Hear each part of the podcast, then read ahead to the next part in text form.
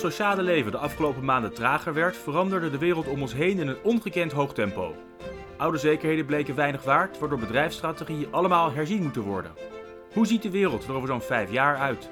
Nooit eerder was die vraag zo moeilijk te beantwoorden als nu. Toch gaat Houthof op zoek naar het antwoord. Wij doen dat door in gesprek te gaan met onze eigen advocaten en met businessleaders uit de top van het bedrijfsleven. Ieder gaat vanuit zijn of haar eigen expertise de strijd aan met de nabije toekomst. Mijn naam is Dave Cohen en welkom bij de Houthof podcastserie Catch 2020 met vandaag Edward de Bok. Welkom Edward. Dank je Dave. Arbeidsrechtadvocaat uh, en managing partner van Houthof, maar vandaag toch vooral arbeidsrechtadvocaat. Zo is het maar Wat maakt een arbeidsrechtadvocaat mee in tijden van corona? Uh, om te beginnen hetzelfde als ieder ander. Uh, veel thuiswerken, uh, veel onzekerheid. Maar professioneel gezien ehm, heb ik me vooral bezig gehouden met de nauw, de, de overheidssubsidie om mensen aan het werk te houden. Hoe moet je die toepassen, hoe moet je die uitleggen? En langzamerhand zie je dat zich toch wel donkere wolken lijken samen te pakken boven het hoofd van veel ondernemingen. Dus we zijn bezig met voorbereidingen voor mogelijke reorganisaties. Ja, onherroepelijk waarschijnlijk. Hè? Het hangt er sterk vanaf of er een tweede golf uh, uh, komt, uh, hoe groot die zal zijn en welke maatregelen de overheid neemt om de economie draaiende te houden. Nou, laten we het hebben over, ervan uitgaande dat er nog een economie draaiende te houden is. Dat Zeker. zeg ik heel zwartgallig, maar laten we het hebben over het werk. We gaan het hebben over de, de relatie tussen werkgever en werknemer die nu verandert en wat daar misschien blijvend van verandert. Werkgevers gaan naar huis uh, half maart. Veel bedrijven zijn daar eigenlijk niet op voorbereid omdat die dat niet gewoon, gewoon zijn te doen. En dat heeft natuurlijk ook een, een consequentie voor uh, de rechten en plichten van allebei de partijen. Absoluut. Een uh, hele belangrijke vraag is de plek waar je je arbeid dient te verrichten. het is nu zo dat in toenemende mate mensen thuiswerken en dat misschien in het begin heel lastig hebben gevonden, maar ook veelvuldig claimen als recht om thuis te werken. En we zien nu de eerste voorzichtige rechtspraak op dat terrein. In het verlengde daarvan is het ook van belang dat werkgevers kunnen controleren of een werknemer echt aan de slag is. En dat brengt ook weer allerlei juridische vragen met zich. Ja, dat controleren, dat zou je toch zeggen, uh, wanneer je je werk goed doet, moet de output daarvan merkbaar zijn? Uh, zeker, en, en dat is een van de methodes om te kijken of mensen aan de slag zijn.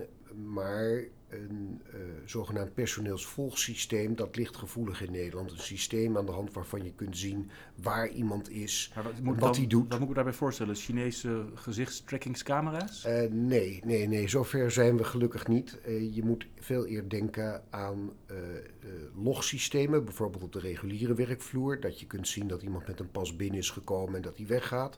Maar thuis kun je natuurlijk zien uh, aan de hand van software of iemand is ingelogd of niet, of iemand zijn telefoon gebruikt of niet. En dan krijg je de vraag: mag je dat controleren? Moet de ondernemingsraad daar wat van vinden? Kan een werknemer zich daartegen verzetten? Dat soort vragen. Nou, laten we er eens eentje beetpakken. Mag dat? Uh, je krijgt dan altijd een advocatenantwoord. Uh, ja, mits binnen redelijke grenzen. En een, een personeelsvolgsysteem mag alleen worden geïmplementeerd als een ondernemingsraad daarmee heeft ingestemd. Ja, nou, een boel bedrijven waar productie, fysieke productie gedraaid moet worden, zal dat niet gelden. Maar laten we het hebben over de, de kantoorachtige setting. Als je alleen een computer nodig hebt en een, uh, en een kop koffie zo nu en dan, dan zou dat mogelijk zijn. Wat is dan binnen redelijke grenzen? Het gaat er dan om dat niet continu wordt gemonitord um, waar iemand is uh, en wat iemand doet. Uh, dat je op gezette momenten controleert of een werknemer aan de slag is omdat hij is ingelogd uh, of niet. dat is een voorbeeld van zo'n redelijke toepassing.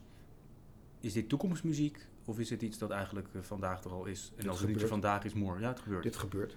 Er zijn een, klanten die dit al op, met grote regelmaat doen. En hoe bevalt dat? Zowel voor de werkgever als de werknemer? Ik denk dat het de werkgever een vals gevoel van veiligheid en security geeft. Um, een moderne arbeidsrelatie moet toch primair gestoeld zijn op vertrouwen en het controleren van aanwezigheid en activiteit, anders dan door middel van outputcontrole, heeft iets bevoogdends. Um, ik denk dat werknemers het als onprettig ervaren. De gedachte dat Big Brother is watching you, die wordt in het algemeen niet erg gewaardeerd. Je ziet ook wel dat uh, werkgevers het implementeren, maar vervolgens na een paar weken denken van nou ja, laat maar, we hebben uh, het wel in de smiezen. Dus de controles nemen dan weer af. Je begon die antwoord met een schijnzekerheid. jouw advies zal niet zijn om dit te doen. Het hangt heel erg af van de aard van de onderneming en uh, het aantal werknemers en de, de, activiteiten van de werknemers. Maar ik denk dat het een, een valse vorm van zekerheid biedt en dat het veel beter is om te kijken of de productie whatever that may be, of die op peil is. Het is te begrijpen dat een werkgever uh, wil weten hoe het gaat met zijn werknemers. Uh, niet zozeer op gezondheidsniveau, maar ook op het werkniveau. Hoe kan een onderneming dan de boel bij elkaar houden, zorgen dat de sfeer goed blijft, zonder de, de, de waakhond te zijn? Nou, ik denk dat dat op dit moment het grootste probleem is eigenlijk in de arbeidsrelatie. Um, het verrichten van werk is zoveel meer dan alleen het voorzien in je dagelijks brood en zorgen dat er brood op de plank is. Het biedt mensen een sociale omgeving. Het vormt onderdeel van de identiteit van mensen. En je ziet dat het thuiswerken uh, de sociale cohesie aanvreet. En ik denk dus dat werkgevers er heel verstandig gaan doen om juist die sociale cohesie te bevorderen, om de productiviteit op peil te houden. En um, dat spreekt mij persoonlijk ook veel meer aan dan een personeelsvolgsysteem.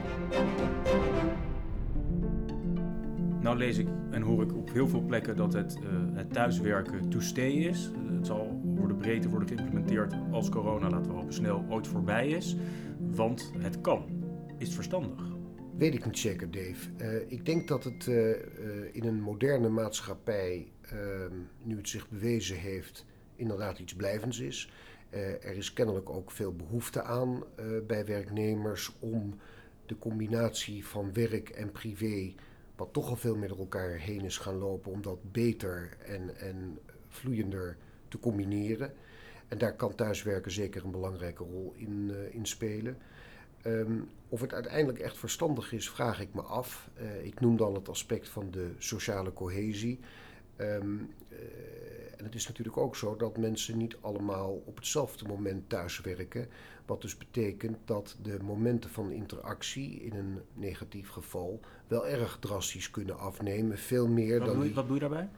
Nou, kijk, als uh, Piet op maandag werkt en Marie op dinsdag werkt, dan komen ze elkaar, ook al werken ze maar één dag uh, thuis, komen ze elkaar twee dagen al niet tegen. En als je dat doortrekt, die lijn in een grote onderneming, dan krijg je dus hele ploegen mensen die elkaar niet of nauwelijks meer zien. Maar daar kan je toch wel een digitale oplossing voor vinden? Digitale oplossing kunnen de, wat dan ook wel wordt genoemd, huidhonger. Uh, als je het hebt over een affectieve relatie, maar die kunnen de werknemershonger naar daadwerkelijk contact niet stillen. Welk nieuw spanningsveld dient zich nu aan tussen werkgever en werknemer? De kern van een arbeidsrelatie is dat de werkgever een gezagsrelatie heeft. En die uit zich ook in de instructiebevoegdheid van een werkgever. Een werkgever is simpelweg de baas en vertelt de werknemer wat binnen redelijke grenzen verwacht wordt van die werknemer. Daar hoort ook een vorm van controle bij. Ook als je helemaal niet uh, controle ingericht bent, dan nog zal een werkgever kijken wat een werknemer uitspookt.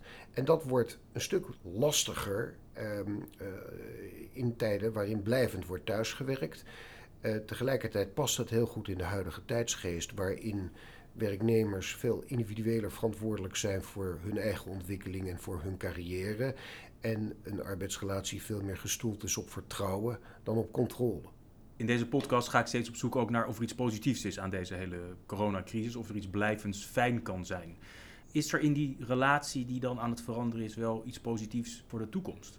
Ik denk dat heel veel werkgevers ontdekken hoe groot de loyaliteit is van hun werknemerspopulatie en dat ook juist op afstand werknemers hun beste beentje blijven voortzetten ten behoeve van de onderneming waar zij werkzaam zijn. En dat is natuurlijk positief, maar geeft ook vertrouwen juist voor een economie die mogelijk blijvend op afstand wordt ingericht, of in elk geval gedeeltelijk op afstand wordt ingericht. Nou, als je het negatief uitlegt, zou je kunnen zeggen: iedereen is loyaal, want de banen liggen even niet voor het oprapen. Dan ga ik wel mijn stinkende best doen. Maar als zo meteen het mooier weer wordt, economisch gezien, dan zit ik lekker op afstand. Dat zou kunnen, maar als je een zo'n negatieve kijk erop nahoudt, kan een werkgever ook zeggen: dat is dan mooi meegenomen dat in de jaren van de crisis de werknemers hun uiterste best doen om hun baan te behouden. Een groot, ja, groot geleerde zei: uh, ieder voordeel heeft zijn nadeel.